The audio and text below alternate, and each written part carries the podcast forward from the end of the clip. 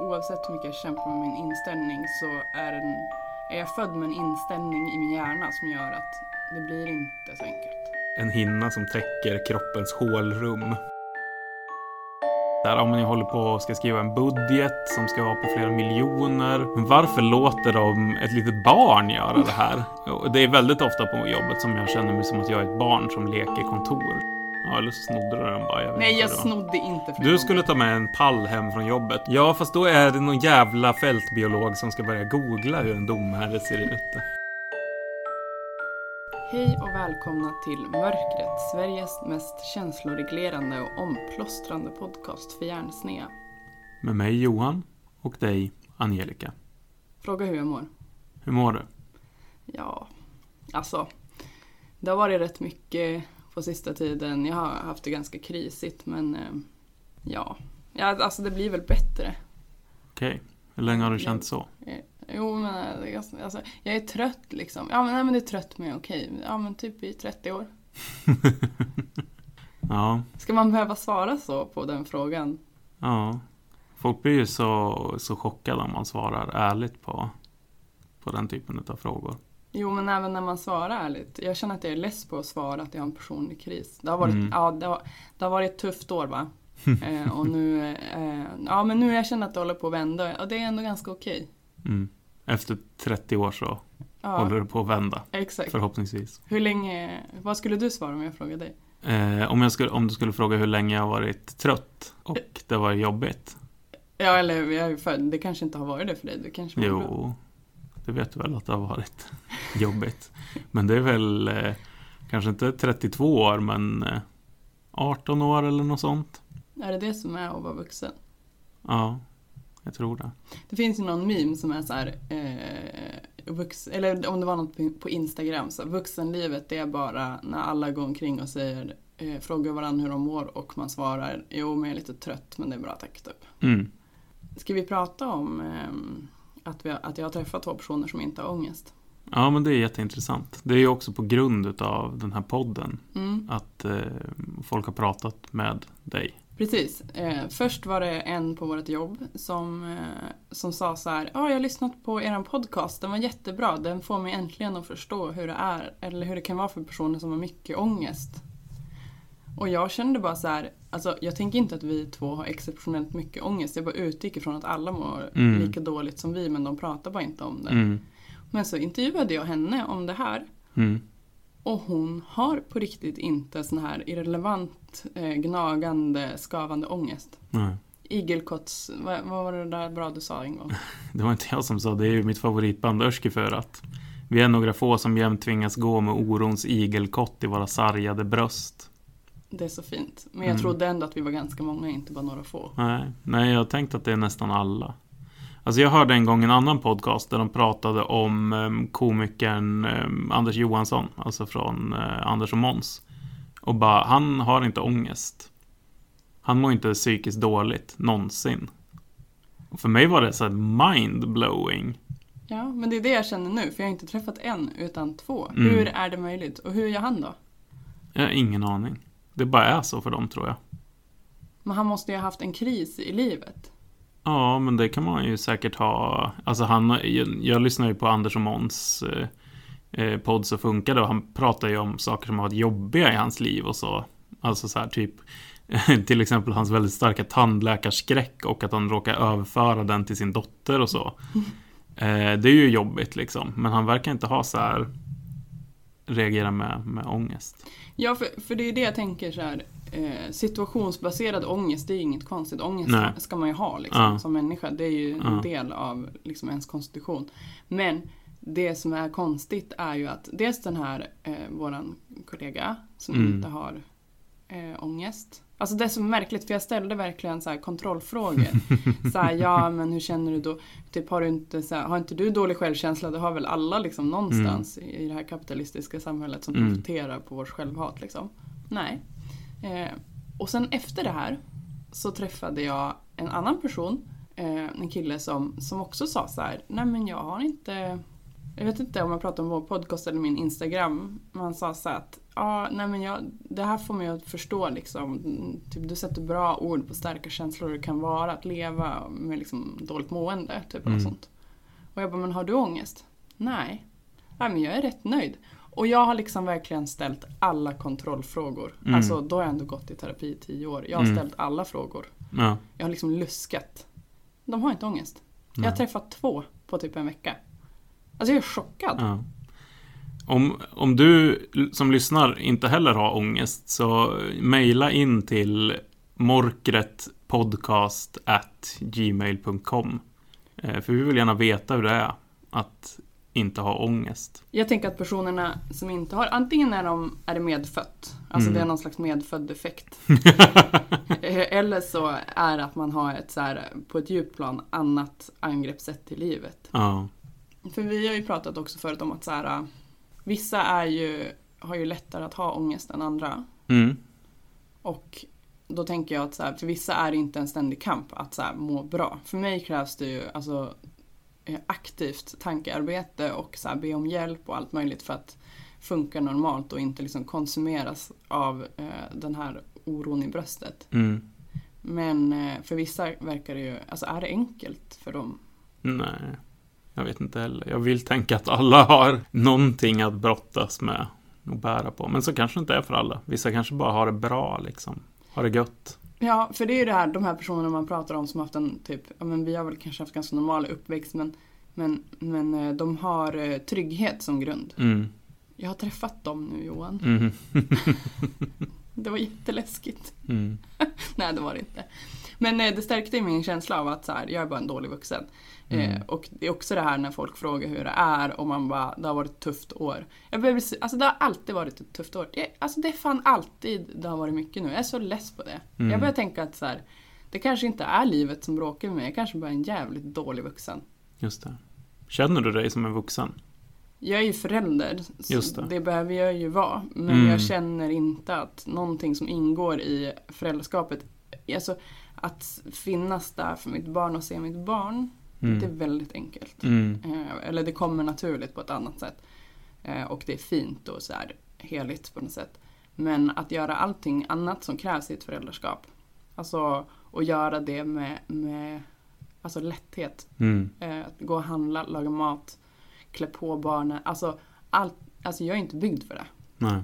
Jag är inte byggd och jag vill inte vara en sån här mamma som så här, ja, nu måste jag laga mat idag, ja, idag igen. Mm. För det är ju vuxenlivets realitet. Men jag kan liksom aldrig komma till ro för jag känner hela tiden på jobbet och överallt att så här, jag är bara 12. Mm. Jag ska inte ha det här ansvaret. Mm, just det. Men det kan jag verkligen känna igen mig i.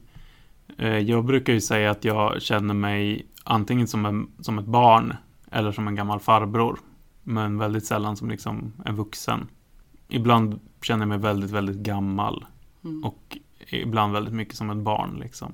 Men väldigt sällan som en vuxen. Men varför, alltså på vilket sätt? På ditt jobb eller liksom? Ja, alltså typ när jag sitter på mitt jobb och kanske håller på med något väldigt så här, ja men jag håller på och ska skriva en budget som ska vara på flera miljoner, som jag har så jättestor, alltså det är jätteviktiga grejer. Då kan jag plötsligt komma på så här, men, men varför låter de ett litet barn göra det här?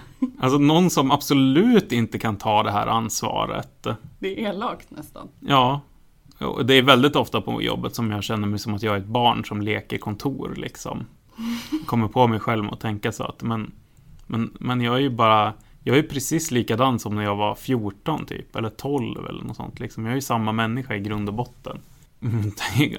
Också, jag är ju inte förälder. Eh, och det märks ju ganska tydligt, till exempel när jag umgicks med ditt barn senast. Och han är tre. Mm. Och han lurade mig. att han visst fick ta en massa stenar i trädgården och slänga i, i en sjö. Det där var jätteviktiga stenar som inte alls fick vara i sjön. Det var min far, våra farmor och farfars stenar som de hade hittat på sin bröllopsresa till Island. Min Ja. farmor och farfar är döda nu. Ja. De där lät jag din son slänga i vattnet. Mm. För att jag trodde på en treåring. Och då kan jag också tänka, varför lämnade du en treåring ensam? Det tänkte Med ett jag barn. också.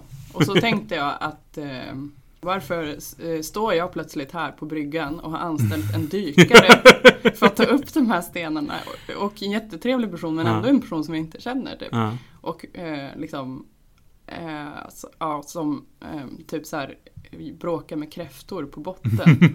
som, det var en kräfta som stod på en av stenarna och ville Ja. ta en sten. Ja. Ehm, Och allt det här för att jag inte tog någon sorts vuxenansvar. ja, du lyssnade på en treåring. Ja, Ja, men det kan ju inte du veta. Det är ju otroligt svårt att... Eh, många vet att treåringar att man inte ska fråga treåringar vad de ska göra, får göra.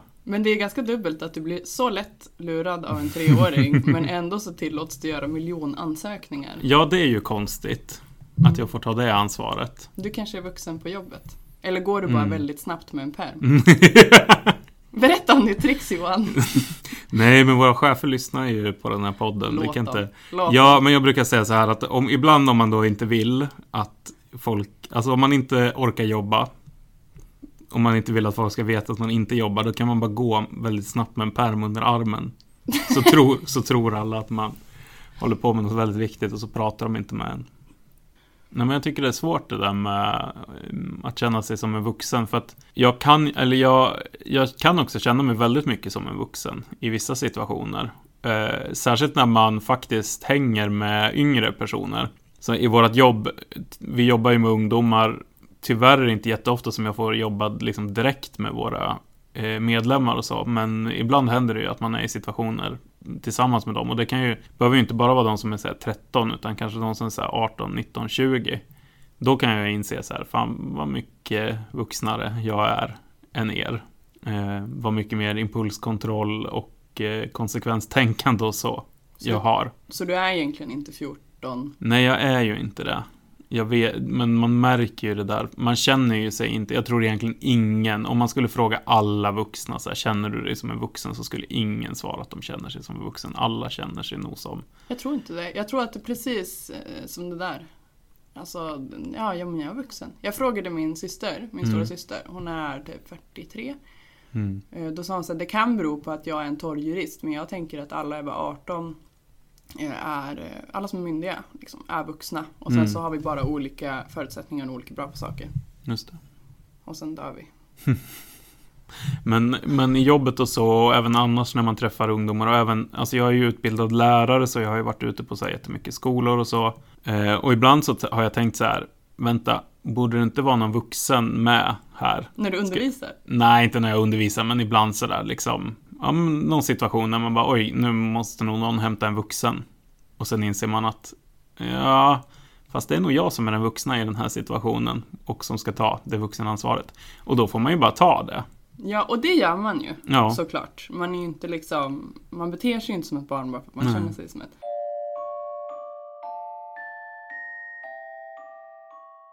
Ja, för mig blir det ju mycket det där med alltså att vara vuxen. Om jag någonsin känner, alltså jag känner mig inte känslomässigt som en vuxen, men jag kan ju ändå, vad ska jag säga, jag är ju en vuxen därför att jag tar det där ansvaret. Mm. Alltså även när jag inte vill och även när jag inte orkar Då tar jag det ansvaret ändå Mm, Liksom det, att vara den vuxna Jättemycket sen så här, ja, men för några år sedan så flyttade jag till villa Jag bor i ett kollektiv i en villa liksom Och vi brukar ju prata om att jag känner mig som en så här villapappa Men man blir ju typ det Mm. Av att bara så här, ja någon av de andra skriver på Messenger bara, "Ah, nu är, nu är eh, tvättmaskinen trasig typ bara, det, åh, det är kaos. Och Typ. Man bara, ja okej. Jag får komma hem och laga det liksom. Men är det att man, alltså vad man tänker en vuxen är? För jag tänker så här, jag har också varit väldigt besviken på um, så här, när med föräldraskapet, att jag förstår ju nu hur pass mycket mina föräldrar gissade. Ja, För att jag så här, ja det här kanske blir nog bra. Eh, Jag tänkte ju att mina föräldrar hade alkohol i världen. Det här Ja. känns ju överhuvudtaget som en process som de flesta har i tonåren. Jag vet inte varför jag har den nu i 30-årsåldern. Ehm, att du kommer på att dina föräldrar inte är felfria. och inte vet allt. Nej, just det. Eh, Det har ju varit väldigt uppenbart att de inte är felfria. Men eh, att jag trodde ändå att de hade mer koll. Alltså så här, Ja. jag kollar omkring på andra mammor i min ålder eller så här, pappor. Alltså man, man kör ju mycket på så här, känn typ. Så här, det här blir nog bra. Mm. Ehm, men jag vet inte. Jag tänker att man kanske har fel, alltså eh, fel, eh, vad heter det? definition på ordet vuxen. Just det. Man tänker att det är någon som eh, naturligt kan alla de här sakerna eller förstår alla de här sakerna eller har liksom instinkten att göra Ja. på rätt sätt eller så. Medan vi egentligen alla bara är det händer ju ingenting magiskt, varken när man fyller 18 eller när man fyller 30 eller något sånt. Det är liksom ingenting som förändras i en. Man är samma jävla eh, förvirrad eh, människa som man alltid har varit. Men, men på något sätt tycker jag att det handlar om just det här. Är du beredd att ta det här ansvaret? Liksom? Ansvar för dina handlingar, ansvar inför andra människor, ansvar för ett barn, vilket ju är så här extremt stort. Ansvar på jobbet. Allt sånt. Det är väl det som kanske jag tycker skiljer liksom från att vara ett barn eller en tonåring eller att liksom inte vara vuxen. Men är det det som är, alltså är det högst mänskligt och vuxet att känna att man dignar under ansvaret? För jag kan känna mycket så här, men ja, alltså jag vet inte om det beror på att jag har en diagnos eller liksom över att det var en tuff period i 30 år. Men jag känner så här, jag, ork, jag orkar inte det här ansvaret. Nej. Alltså jag gör det och jag gör det bra. Men Mm. det ju, finns ju rätt många dagar och speciellt nu under hösten som jag Mm. känner att så här, det här är för mycket för en person. Mm. Alltså jag orkar inte. Och det måste väl alla känna eller? Jag tror väldigt många känner så, ja. Känner du så? Ja, ja. Men jag är ju mindre än dig också. Jag har ju inte barn att ta hand om. Du har ju mig.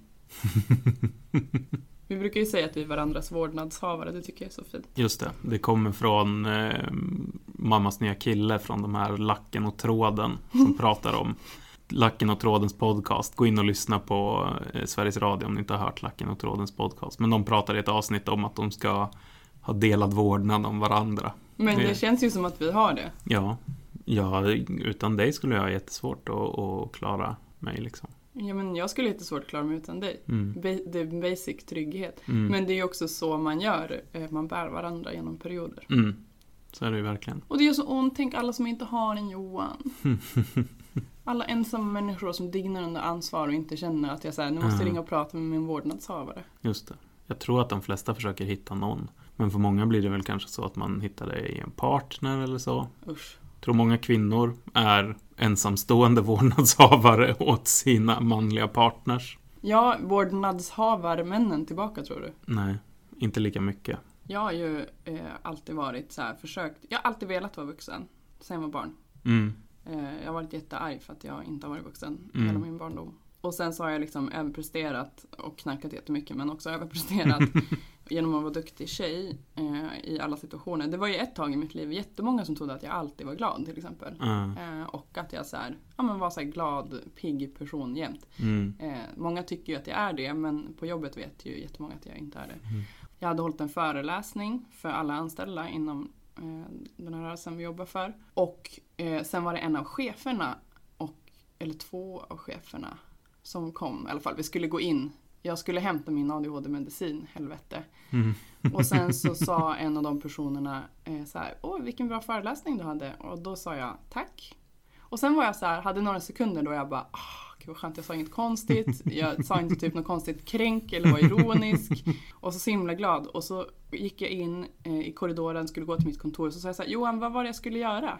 Och då sa du, Ja, ja, jag sa du ska gå och ta din medicin nu. framför cheferna. Ja, Du, först- du förstörde mitt moment av att vara vuxen och normal. ja men... Jag det var väl- tjänsteman i tio sekunder. Ja, men jag tycker inte man ska skämmas för att man tar medicin. Jag tycker det är funkofobt av dig att skämmas Men jag för gick, det. åh det var så nära. Men så här var det ju också på, jag var på apoteket, alltså det var så pinsamt. Eh, det var också en sån här vuxen situation som vändes totalt till min Mm. nackdel. Eh, det vi var på, gick fram till receptdisken och då står man ju så här, ja det var typ Lloyds Mm. apotek. Mm. Eh, och så var det så här, eller något apotek. Och så var det så här tre olika kassörskor typ. Vid varsin kassa eller vad de heter. Mm. Nej, de heter ju apotek. Receptarier, farmaceuter. Ja, medicinfolket. Ja. De är nycklarna till det bra skåpet. Mhm. Och de, eh, då var det en som sa så här, åh, och min son så röjde runt och väntade på mig. Och så sa han så, åh vilken gullig son. Och jag bara, ja. Och så, all, och så var det som folk, som, folk hör ju när man hämtar ut sina recept. Mm. Eh, och så stod det någon så här gammalt par och någon till där och alla tittade på min son och bara, mm, så här mysstämning. Och så sa hon i, eh, där, sa så här, ja vad, vad kan jag hjälpa dig med idag? Eh, och jag bara, ja jag vill ha de här antidepressiva, den här ADHD-medicinen, sen vill jag ha min sömnmedicin och sen vill jag ha min migränmedicin och sen vill jag ha bla bla bla. Alltså det blev så himla dålig stämning och hon bara, ja okej. Och så försöker jag lätta upp stämningen och så sa jag så här, ja basically allt som gör att jag vill eh, kliva upp på morgonen och funka som människa. och så började jag skratta och hon kunde inte skratta åt min medicin. Nej, det Eh, hade ju varit konstigt. mm. De har inte så, ser inte humorn i den medicinen. Nej. Det är deras jobb. Men då får, då får jag den här duktiga flickan i mig, Mm. att jag får såna här svettpärlor på överläppen. Eh, till och med på apoteket där jag hämtar ut min, min, eh, min Mm, psykmedicin måste Mm. jag försöka vara normal. Just det. Eh, Var, det.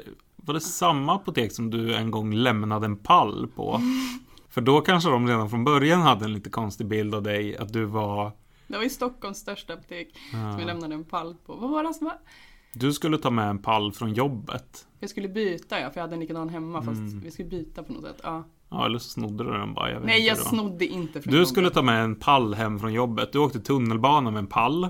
Redan här är man ju en lite konstig människa. Jag satt ju på pall Ja, också. att sitta på pallen på tunnelbanan. Som att du, man, du vet alla andra som såg dig där på tunnelbanan tänkte här kommer en tjej som är förberedd. Hon har med sin egen pall när hon åker tunnelbana. Hon kanske har så här extrem ångest inför att sitta på platser som andra har suttit på. Så hon måste ha med sin pall.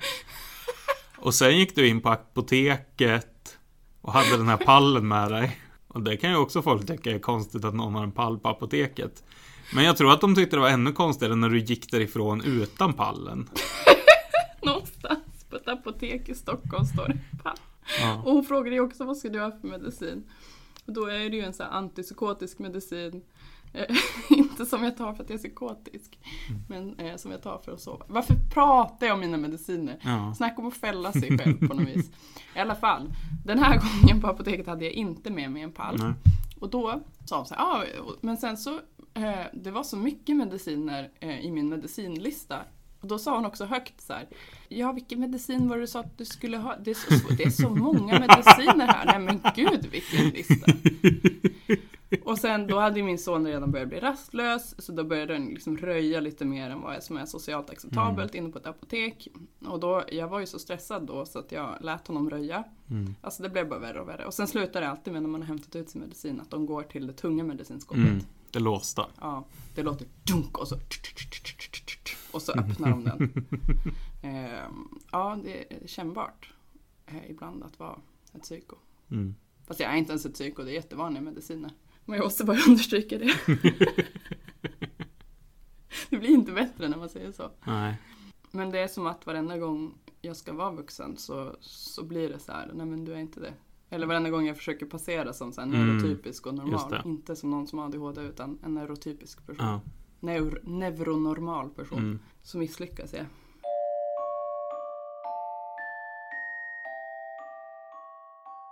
Känner du dig som en bluff? Har du det här impostor? Im, vad heter det? Imposter syndrome. Ja. Ja. Ja, men det har jag. Det är ju liksom att man... eh, Det är du egentligen som kan mest om det här, men det är liksom att man, att man känner att man... eh, Eh, att man har liksom den position man har eller det ansvar man har eller så att man har liksom bluffat sig till det. Och att man hela tiden känner en sån rädsla för att eh, omvärlden kommer upptäcka Mm. att man bara är en bluff. Precis. För mig har det här alltid handlat om dålig självkänsla men, men när man, man läser lite mer om det, det är, som, det är inte bara det utan att eh, det är ett begrepp som heter då imposter syndrome eh, eller bluffsyndromet på Mm. svenska. Eh, och det eh, myntades i en artikel, skrevs av en kvinna som heter Pauline R. Clance och Susanne A. Imes. Och de, då är det flesta att de pratar om så här högpresterande kvinnor Mm. hur de ofta inte så förstår, alltså på en grundlig nivå, att man är intelligent och har Mm. något att komma med. Mm. Och att så här, nej, inte ska jag, alltså det är bara andra som övervärderar mig. Just det. Så. Eh, Men eh, det är inte könsspecifikt heller utan eh, det är många som har så svårt att internalisera sina förmågor eller prestationer. Och att så här, varenda gång du lyckas Mm. med något, då är det egentligen bara så här timing, tur eller så har du typ Mm. varit tillräckligt charmig för att Mm. nå det resultatet. Just det, man ser liksom inte de här förmågorna eller så som en del av en själv eller som ett uttryck för någonting som jag, Mm. jag själv är.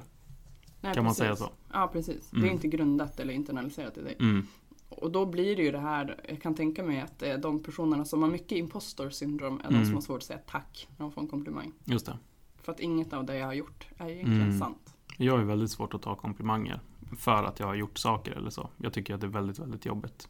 Ja, för du tycker ju inte att du gör någonting, men ändå Mm. så, ja men typ härom veckan, då blev du omnämnd i podden Lilla Drevet för en jättebra text du hade skrivit ja. Flamman. Ja, det, det stämmer. Du ser så obekväm ut bara Ja. att jag säger det. Ja, ja. Ja men nu ska jag säga, och du har också typ, det är också jättekonstigt för jag visste inte det när jag lärde känna dig eh, på jobbet. Helt plötsligt bara, visste du att Johan har 5000 följare på Twitter? Mm. Det är jättemånga. Ja. Och då vill jag säga så här, nej. Det är väl halv många. Ja. Fast det är ju ändå många. Och du, Ja. Och då tänker jag så här, ja, det är väl mest en slump. Eller för att jag har hållit på länge. Det har väl ingenting med mig som person att göra. Jag är liksom motsatsen till ditt impostor syndrom. För varenda gång vi träffar någon som inte vi har träffat under den dagen, då bara Johan har varit med i Lilla Drevet. Ja, ja så har det verkligen varit den senaste veckan typ. Johan har 5000 följare på Twitter. Ja, jag vill också säga, jag har inte varit med i Lilla Drevet. De nämnde en text som jag har skrivit en gång. För att den var extremt bra. Ja, jo, det tyckte Ola Söderholm i alla fall. Men också att eh, du har ju typ drivit podcasts innan. Ja. Du hade ju en podcast som var ganska lyssnad på, Redarpodden. Ja, det är inte min podcast, men det är mina kompisars podcast. Medverkat på Ja, jag har varit eh, gästskådis i den, eller vad heter det? Gästprogramledare eh, kan man säga. Den handlar om Rederiet. Ja, om ni inte har lyssnat på den, om ni är intresserade av Rederiet, sök upp Redarpodden. Den går igenom Rederiet avsnitt för avsnitt. Alltså jag vill inte dissa dina kompisar men det är väldigt smalt. Mm, det är ett jättesmalt ämne, men det är jätteroligt. Jag har ju haft en podd själv som var nästan ännu smalare, som hette Podd om ett brott. Och vad var det? Den handlade om eh, roman om ett brott, alltså romanserien av eh, Sjöwall Wahlöö som eh, ja, handlar om Martin Beck. Alltså det här är ju, det är klart att jag vet vem Martin Beck är men det här är ju Mm. så många gånger i, vår vänskap och i våra samtal som jag bara får så blank blick och sen bara låtsas att du vet vad han menar. Låtsas att du vet vad det här är för bok. Ja, nej men jag har väl väldigt svårt att tycka att så här, att eh, sånt som jag gör, att det liksom beror på att jag bra eller så. Jag tänker att det är ett sammanträffande.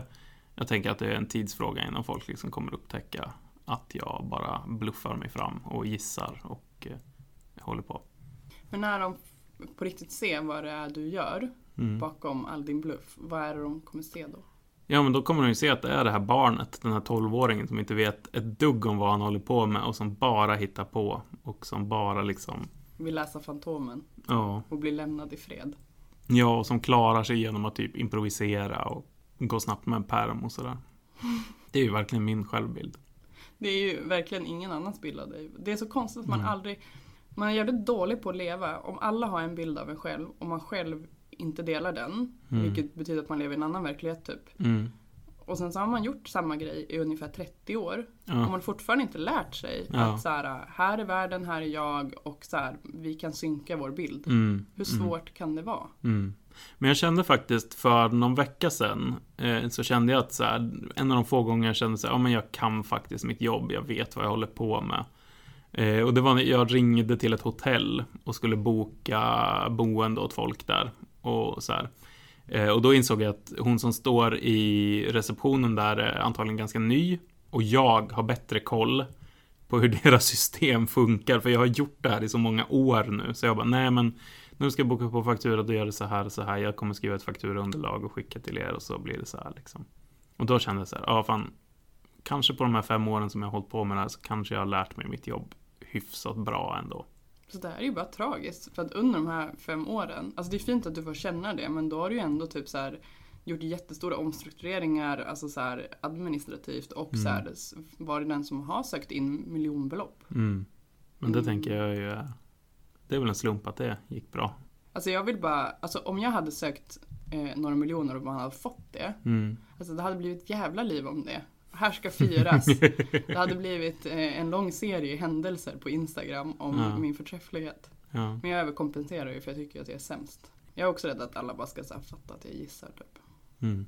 Men du gissar ju inte ens, det är det som är så konstigt. Du har ju exceptionellt bra koll på väldigt många olika områden. Mm. Jag har ganska bra koll på ganska många områden. Eh, Men sen gissar jag också väldigt mycket. Och ibland ljuger jag bara.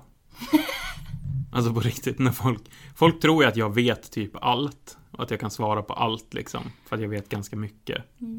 Men en anledning till att jag upprätthåller den bilden är att jag ofta bara hittar på. Alltså inte hittar på helt fritt, men så här. Det låter vettigt. Med, med en väldigt auktoritär röst så säger jag någonting som jag tror på ett ungefär. Det sämsta är ju sen alla sådana här smartphones har kommit och folk bara Ja, fast jag ska googla det där som du säger för då Då faller hela fasaden. Det kan ju vara hur som helst, jag kan ju ha sagt vad som helst liksom. Hur känns det då? det är ju väldigt jobbigt. Hur låter du när du, eh, om du ska eh, gissa på eh, hur lagstiftning kring bostadsrätter funkar när man ska sälja den? Just det. Vem, vem har hand om besiktningen? Typ? Ja, just det. Men då, då säger jag väl så här att ja, men det är ju, det är ju köparen som har besiktningskravet. Det står i lagen att man har ett, ett krav på sig att besiktiga bostadsrätten. Säljaren har ju inget krav att, eh, att eh, se till att den blir besiktigad. Ja, fast det här visste du ju. Ja, det här visste jag typ. Ja, men det är det, du vet ju så mycket om allt, det går ju inte. Det här är ju sjukt. Du är ju någon så här, du är som någon slags informationssavant. Du har så här parabol... Ja, jo, men jag samlar på mig väldigt mycket information i min hjärna. Det är ju också för att jag, när jag går så här snabbt med en perm, när jag inte orkar jobba, då sitter jag ofta och typ läser Wikipedia eller något sånt. Förra helgen så hade jag jättemånga saker som jag behövde göra. Men istället läste jag ju väldigt, väldigt mycket om eh, Kinas järnvägsbyggande på den tibetanska högplatån. Mm. Alltså väldigt, väldigt mycket. Alltså, så märkliga intressen. Ja, men jag tror att det är också att, jag, att, att folk uppfattar det som att jag kan väldigt mycket om väldigt många ämnen är för att jag också är väldigt nyfiken. Och för att jag har en sån grundinstinkt om jag tänker så här, hur är det här? Hur funkar, eh, hur funkar lagstiftningen kring att sälja en bostadsrätt? Då tänker inte jag bara så, åh, det skulle man ta reda på någon gång, utan då kollar jag upp det liksom. Så du är väldigt handlingskraftig fast när det gäller fel saker. Ja, precis. Bara handlingskraftig när det är saker som jag är nyfiken på liksom. Men åh, kan inte jag få göra ett test? Vi behöver inte kanske ha mera, men kan inte jag få göra ett test? Mm. Okej, eh, ge mig en snabb recap om Polarexpeditionen. Vilken polarexpedition. Jag tog bara något smart. Eh, Jag tänkte på de här, B. Usma. Just det, eh, de som kraschade med sin luftballong. Det här kan inte jag så mycket om. Yes! Jag kommer ihåg att de, eh, att, att de kastade ut någon så här typ anteckningsbok eller något sånt över någon liten ö. Men det kommer jag mest ihåg för att hon eh, har pratat om att hon ska så här, åka dit och hitta den där. Hon har varit där flera gånger och letat efter den och så. Du vet ju massa detaljer om den här författaren B. Usma som Ja, läkare hon. ja just det. Hon blev läkare för att hon ville kunna så här, studera. Alltså hon blev så besatt av den här polarexpeditionen och att typ studera deras döda kroppar och så. Att hon pluggade till läkare bara för att kunna göra det. Okej, det var dumt. Men du kunde ju ändå detaljer kring det. Okej. Ja, men jag kan eh, inte... Fast, du, fast det är väldigt ofta man har så här lunchsamtal och du kan Mm. så här förbluffande mycket. Okej. Mm, men hur jag- ofta tror du det är för att jag kan det eller för att jag Ja, det, ljuger? det, det jag ska te- testa. eh, Får jag bara, får jag bara kolla? Mm. Det, alltså, jag vill ju inte att det ska gå- dåligt för dig Nej. nu. Eller lite, men okej, eh, Brexit i fem meningar. Mm. Eh, ja men vadå Brexit i fem meningar? Förklara Brexit, vad det är för någon som inte vet. Brexit är eh, Storbritanniens utträde ur EU. Och eh, anledningen till att de kommer lämna EU är för att de har haft en folkomröstning där en majoritet röstade för att man skulle lämna EU. Och Storbritanniens relation till EU har ju alltid varit lite eh, svajig. Eh, där det dels finns liksom en, Eh, en stark progressiv opinion inom Storbritannien som har varit liksom väldigt för EU. Därför att man har inte litat till, man har ansett att eh, den politiska kulturen i Storbritannien är så reaktionär så att ens bästa chans till att få igenom liksom, progressiv lagstiftning är att vara med i EU och då hoppas på att det blir liksom socialdemokratisk majoritet inom EU som kan tvinga på Storbritannien progressiv lagstiftning. Herregud. Eh, Medan inom borgarklassen i Storbritannien så finns det en ganska stark eh, opinion för eh, att knyta banden närmare till USA eftersom Storbritannien och USA har en så kallad special relationship. Okej, du är uppe på typ 20 meningar nu. Okej, pip, nästa. Eh, eh, eh, eh, mödomshinnan. Eh, Mödomshinnan är en myt, den ex- existerar inte och eh, man borde säga slidkrans istället. du sa slidkrans i podden. Ja, Och slidkrans låter som det äckligaste bakverket någonsin. Slidkrans med mördegshinna. Nej. Det här kan vi inte ha med. Alltså jo, vi kan ha med det om vi förklarar att vi har en fascination för det är någon slags gemensam, eh, vad heter det, projekt, gemensamt projekt i att hitta Mm. de mest äckliga orden. Ja. Men jag tror att vi kanske tappar lyssnare. Vidriga ord brukar vi säga till varandra. Slemhinna. Eh, det här köttskalet jag lever i, Mm. kallar du din kropp för? Mm. Eller din hud? Hålrum. Det tycker du är hålrum är inte Ja. så... Jag tyckte det var äckligt för att jag läste högt av definitionen av slemhinna. Att det är en hinna som täcker kroppens hålrum. Det är jätteäckligt att tänka sig. Vad är det mer vi brukar säga? Eh, ja, Könslivet. könslivet, Mm, det är sexlivet. mm. Känslomässig närhet brukar vi säga ibland också. Det är det äckligaste vi kan tänka oss. Intimitet. Intim, ja, känslomässig intimitet. Eh, eh, köttsemla. Mm. Det är hamburgare. och, och allt med kött är väldigt äckligt. Mm. Kötttekniker. Kötttekniker för läkare, ja. Mm. Eller vårdpersonal liksom, Mm. som an, an, Ja. arbetar med kroppen. Ja, det kommer mer. Okej, du, jag ska fortsätta mitt test. Eh, berätta lite om eh, fågelarten domherre. eh, fågelarten domherre. Men alltså du skojar! Har du information om det här? Ja, jag kan väl säga att fågelarten domherre brukar avbildas på julbilder i Sverige och därför har kommit att förknippas med julen. Eh, det var allt du kan. Hur ser en domherre ut? Den är väl röd med svart hetta va? Faktakollar efterhand. Ja, där, där hörde ni att jag kanske inte alls vet. Ja, du, lät, men Jag nu är det ju ett bara- tryggt rum. Annars Mm. hade du sagt så här, jo, men det är... Ja, fast då är det någon jävla fältbiolog som ska börja googla hur en domherre ser ut. Okej, jag får några till. Några Ja, till. jag vet inte hur intressant det är för lyssnarna, men okej. Ehm, jag, måste komma tänka, jag måste tänka på något som, som är liksom långt från dina kunskapsområden. Mm. Sport är ju... Men där erkänner jag att jag inte vet någonting. Jag kan ingenting om sport, jag kan ingenting om det mesta av så modern musik och så från kanske, vad ska man säga, 72 när eh, Motowns eh, studio flytt- flyttade till Los Angeles. Från och med där någonstans kan jag ingenting om musik. Ja.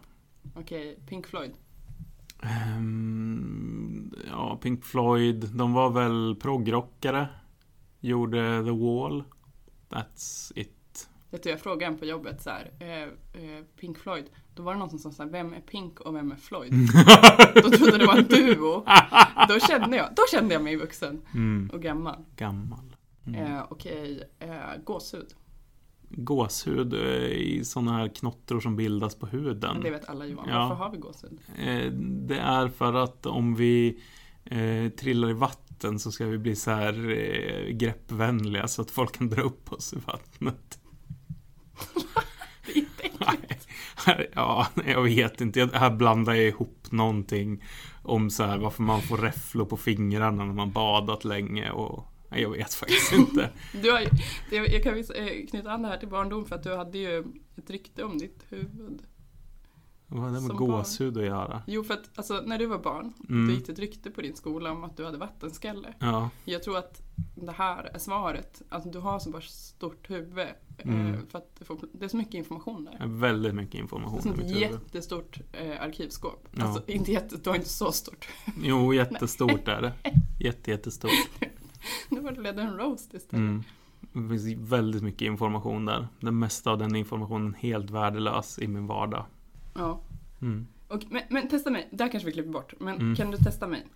Eh, Jag har, ju, jag har ju levt mitt liv PGA mycket ångest och så här, jag, måste, jag kan inte sålla information. Alltså Mm. all information bombarderar ju min ADHD-hjärna, har inget filter. Just det. Så om jag läser en artikel som jag blir berörd av, jag kan Mm. inte filtra ut den. Nej. Utan då sitter jag och gråter för att ett barn Mm. dog. Mm. Eh, och för att ens mamma var heroinist och bla bla. Mm. Alltså det, och då, kan, Mm. då påverkar det min dag. Så att jag måste ju skärma av. Så att jag har ju liksom under de här eh, senaste tio åren, där sen jag tog beslutet, blivit väldigt inte allmänbildad på så här fikraster och sånt där. Mm. Mm. Men Då måste jag ta något som inte är ditt, något av dina specialintressen. Om Mm. det ska funka. Så om jag säger så här, Frankrikes inrikespolitiska situation. Jag tror att det kanske är något eh, högerparti som har tagit väldigt mycket makt. eh, med någon sjukt oskön kvinna i ledningen. Och eh, det är inte bra. Mm, ja. Jag har hört något sånt. Ja, ja, jag var inte, jag var inte, kan säga så här, det var inte helt fel. Vad är det då? Eh, ska jag förklara Frankrikes inrikespolitiska situation? Fem meningar. Mm. Det Frankrike har en eh, president som heter Macron. Eh, som leder ett, ett parti eh, som är ett helt nytt parti som han liksom har bildat eh, runt, runt sig själv. Eh, och han är väldigt impopulär som president. Och han vann till stor del därför att han stod mot den här kvinnan som du tänker på. Eh, Marine Le Pen. Som leder ett parti som heter Rassemblement National. Som är ett, eh, ett fascistparti liksom. Eh, och som har varit det största oppositionspartiet. Men nu går det ganska dåligt för dem och istället går det ganska bra för en politiker som heter Mélenchon som är en vänsterpolitiker som leder en rörelse som heter eh, La France Insoumise. Och det var lite mer än fem meningar. Ja, okej, ta, testa något annat. Ehm, Du kan inte bara ta så här äh, global politik för Nej. då vet du att det är ja, det är men det eh, unikt. mycel. mm, mycel. Eh, Det är en del av svamparnas rike. Mm. Eh, Det är någon slags trådig massa som bildas från svamparna. Jag vet inte om det är för att ta upp näring i jorden på något sätt. Mm. Eh, Det är väl det som också växer på andra växter från Mm. svamparna. Mm. Jag har ju gått Waldorf. Vi hade typ en morgonperiod på Mm. typ fyra veckor där vi bara pratade om svamp. Mm. Hade rätt? Ja, Mm. enligt vad jag vet om mycel så var det helt rätt. Jag har ju inte gått på Waldorf. Jag vet, jag vet så mycket om svampar och olika växter Mm. som jag överhuvudtaget inte ens vill ha i min hjärna längre. Ehm, det var bara för att en jätteengagerad eh, biologilärare eh, som heter Kristina eh, i Yllekofta var så himla fascinerad över växtriket och speciellt svamp. Mm. Det är naturens lever. Men... Alltså vi har fått gå på expeditioner eh, i den norrländska urskogen Ja. eh, när vi var tonåringar och typ letade efter svamp. Det tyckte ni väl var kul? Nej, det var fruktansvärt. För att hon Mm. var så överengagerad så att vi kunde vara ute så här på expedition i typ så här sex timmar. Och Mm. sen skulle vi rita av de här svamparna i flera timmar. Waldorf är en friskola. Eh, Mm. Också fri, fristående från all form av verklighhet kan man säga. Nej, det stämmer inte. Jag är Mm. pro Waldorf. En sista. Eh, ja, men vad, vad tror du om eh, framtiden för, eh, eh, för automatisering inom arbetslivet? Vilka yrken är det som kommer hotas av automatiseringen i framtiden? Automatisering, det är när personen blir ersatt av teknik. Mm. Ja. Ja.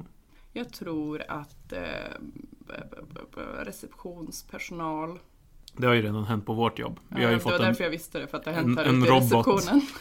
som jag har döpt till Matilda Järndotter. Den här roboten som man får checka in hos istället för någon som sitter i receptionen. Eh, Jag undrar hur mycket algoritmer och AI kommer liksom eh, ersätta vissa tjänster där en kille som mansplainar ihop om vad folk vill läsa om. Det går ju inte riktigt längre va? Nej. Det kan man ju inte säga så här, det är, nej men det är antal klick här. Mm. Du kan inte skriva din eh, artikel om valsång. Det är ingen som tycker det är det. intressant. Det är Just det. väldigt skönt. Ja. Just journalistik är ju faktiskt ett sånt yrke som man kanske skulle tro inte var så utsatt för automatisering, men som antagligen kommer bli det. Eh, till exempel för att så, sånt som att rapportera fotbollsresultat och så är redan liksom algoritmer som skriver ihop sådana artiklar. De vet vad som har hänt i den här matchen och då kan de skriva ett referat av den. Jo, när du säger det så, så journalistik kan ju visst vara hotat. För det finns ju en nyhetsbyrå som heter Siren.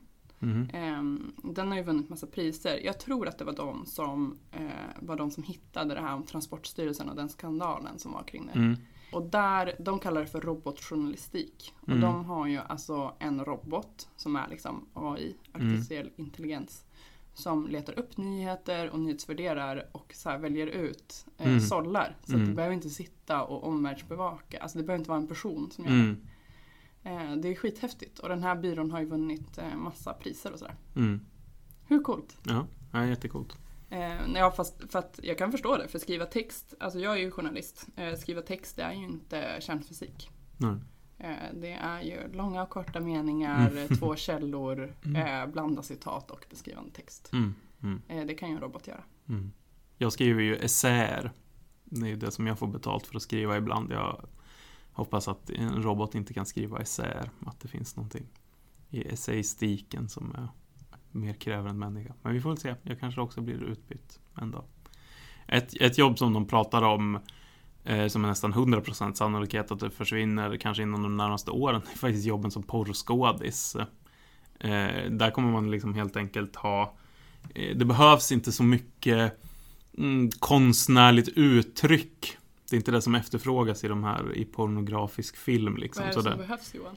det är väl att ha en sån här äcklig kropp med slemhinnor och hålrum och allting. Liksom. Men där kommer man liksom man, man, man gör liksom tillräckligt bra 3D-modeller av folk och filmar folk liksom tillräckligt mycket i, i eh, olika ställningar och så. Och sen kommer man kunna klippa ihop de här filmerna. Men vill man inte ha liksom äkta eh, eh, kränkta, eh, utsatta personer med Ja, äkta slemkörtlar? Det är, väl, det är väl det som jag eh, tror är väl kanske den tråkiga framtiden. Att de här massproducerade filmerna för masskonsumtion kanske kommer göras helt i en dator med algoritmer och sen kommer människor betala liksom för att på olika sätt, alltså via webbkameror och så, kränka människor. Alltså för att man köper den upplevelsen av att kontrollera och kränka en annan människa. Liksom. Makt och, och exploatera andra personer. Ja. Sånt, sånt som folk går igång på.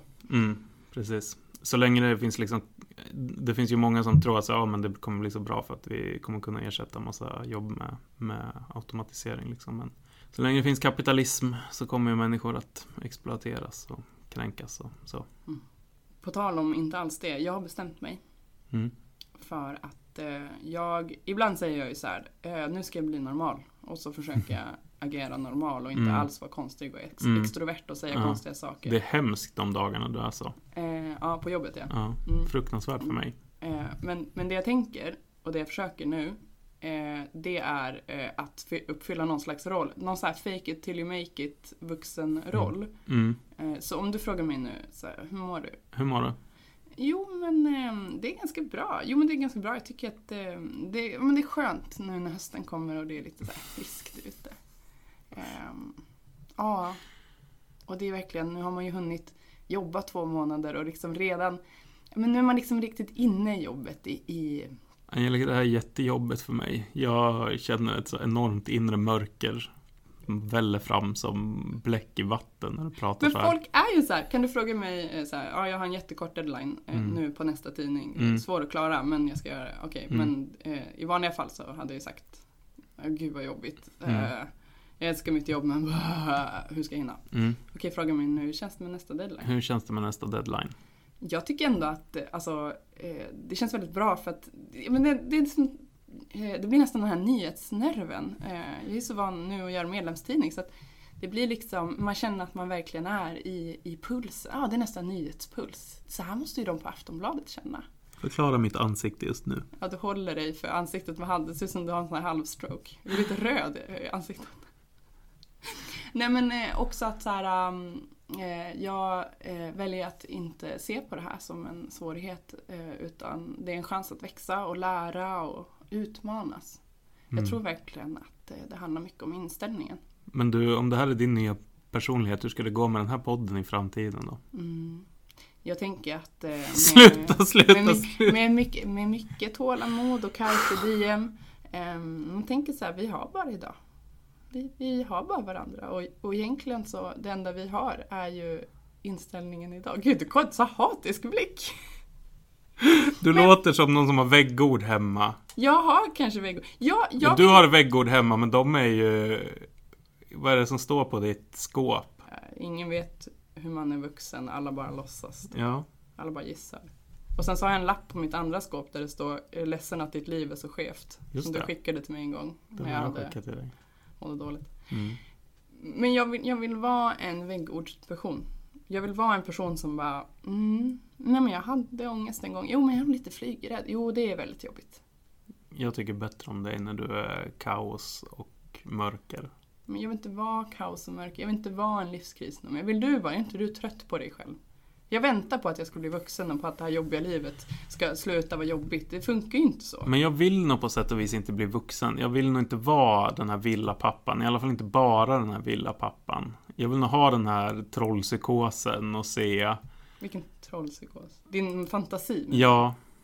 Och se både allt som är mörkt och hemskt i världen men också allt som är liksom magiskt och, och eh, märkligt och vackert. Och jag vet inte om man kan se den med de carpe diem ögonen liksom. Då tror jag att man bara ser ljust och fräscht och väggord. Och jag fruktar det så, så oerhört mycket. Men jag, jag förstår. Men jag bara önskar jag har också magi och, och sånt i mitt liv och, och eh, vill ha kvar mycket av, av mm. det som inte är ansvar och, och, så. Men jag bara önskar att så här, uh, något väggord någonstans kunde mm. påverka mig så att det typ blir enkelt att diska och tycka ja, att det är så här, Nej men det här är bara att torka av diskbänken och svepa av. Mm, fint, sätter mig i soffan och vilar en stund. Men, mm. eh, kryper upp med en kopp te, tänder ett ljus och känner att så här, mm, ja, men nu hann jag ju se nyheterna ikväll. Mm. Ja, det har aldrig hänt mig. Att du har hunnit se nyheterna? Nej, jag gör inte det för jag bryter Nej, ihop. Precis. Men jag vill bara ha, jag vill bara ha enkelt. Mm. Men jag tror inte det är enkelt för någon. Jag har träffat två. Ja, men de har bara inte ångest. De har väl andra saker i sitt liv som är fruktansvärda. Är det hemskt att jag önskar att deras livskris kommer snart och brakar ihop hela deras liv? Alltså jag vill, det är inte för att jag önskar dem olycka, jag vill bara att det ska vara mm. lite mer jämnt. Just det. För jag känner att jag, jag fick förstår. noll av dopaminkvoten i mm. hela befolkningen. Mm. Men vi brukar ju prata om att en anledning till att jag eh, är så här inte katastrofsituationer, men så jobbiga situationer, eller när det blir svårt liksom, så kan jag ta, vara ganska lugn och så. Att jag tror att det hänger ganska mycket ihop med, med mitt allmänna katastroftänkande. För jag har redan mentalt förberett mig på de här situationerna och så. Och det tror jag att det gör att för människor som är som dig och mig, när de här katastroferna i livet kommer, eller det som är jobbigt i livet kommer liksom, så har vi lite lättare. Vi har lite svårare att klara vår vardag. Men om vi inte hade haft om vi hade varit en sån människa som aldrig har ångest och som inte mår dåligt över någonting och så. Då kan det ju bli väldigt, väldigt jobbigt liksom när livet kommer ikapp. Ja, alltså folk förundras ju över hur bra jag funkar under brinnande kris. Ja. Men... Du skulle hellre vilja ha lite lättare vardag? Ibland kommer det så här, äh, okej okay, nu blir det jättedeppigt. Men ibland kommer det en dag då allt är enkelt. Det är enkelt att gå till jobbet. Det är enkelt att göra allt man gör på morgonen.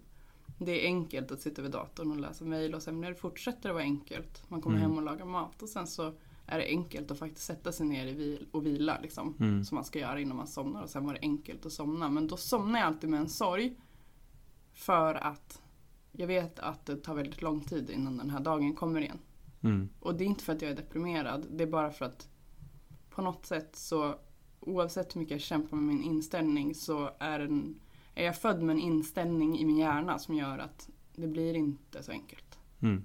Och de här dagarna är inte så många. Men jag är också väldigt mycket glad och jag har väldigt mycket kul. Alltså jag har ju stunder varje dag, typ en dig då jag skrattar mm. så jag kiknar. Liksom. Ja. Och jag har jättebra också. Men jag, jag vet, det kanske är hösten som kommer. Mm. Men jag bara tänker så här, hur gör alla andra? Mm. För att jag tycker att det är så oerhört svårt att leva. Eh, man kan följa oss båda på sociala medier. Eh, jag mm. heter Angelica Ogland på Instagram. Och jag heter ordförande Johan på Twitter. Och man kan också gå in på iTunes om man har ett iTunes-konto och eh, ratea och eh, reviewa oss som det heter. Då hamnar vi högre upp på topplistorna och eh, fler får chansen att hitta oss. Precis. Tryck på, på fem, den femte stjärnan i podcasten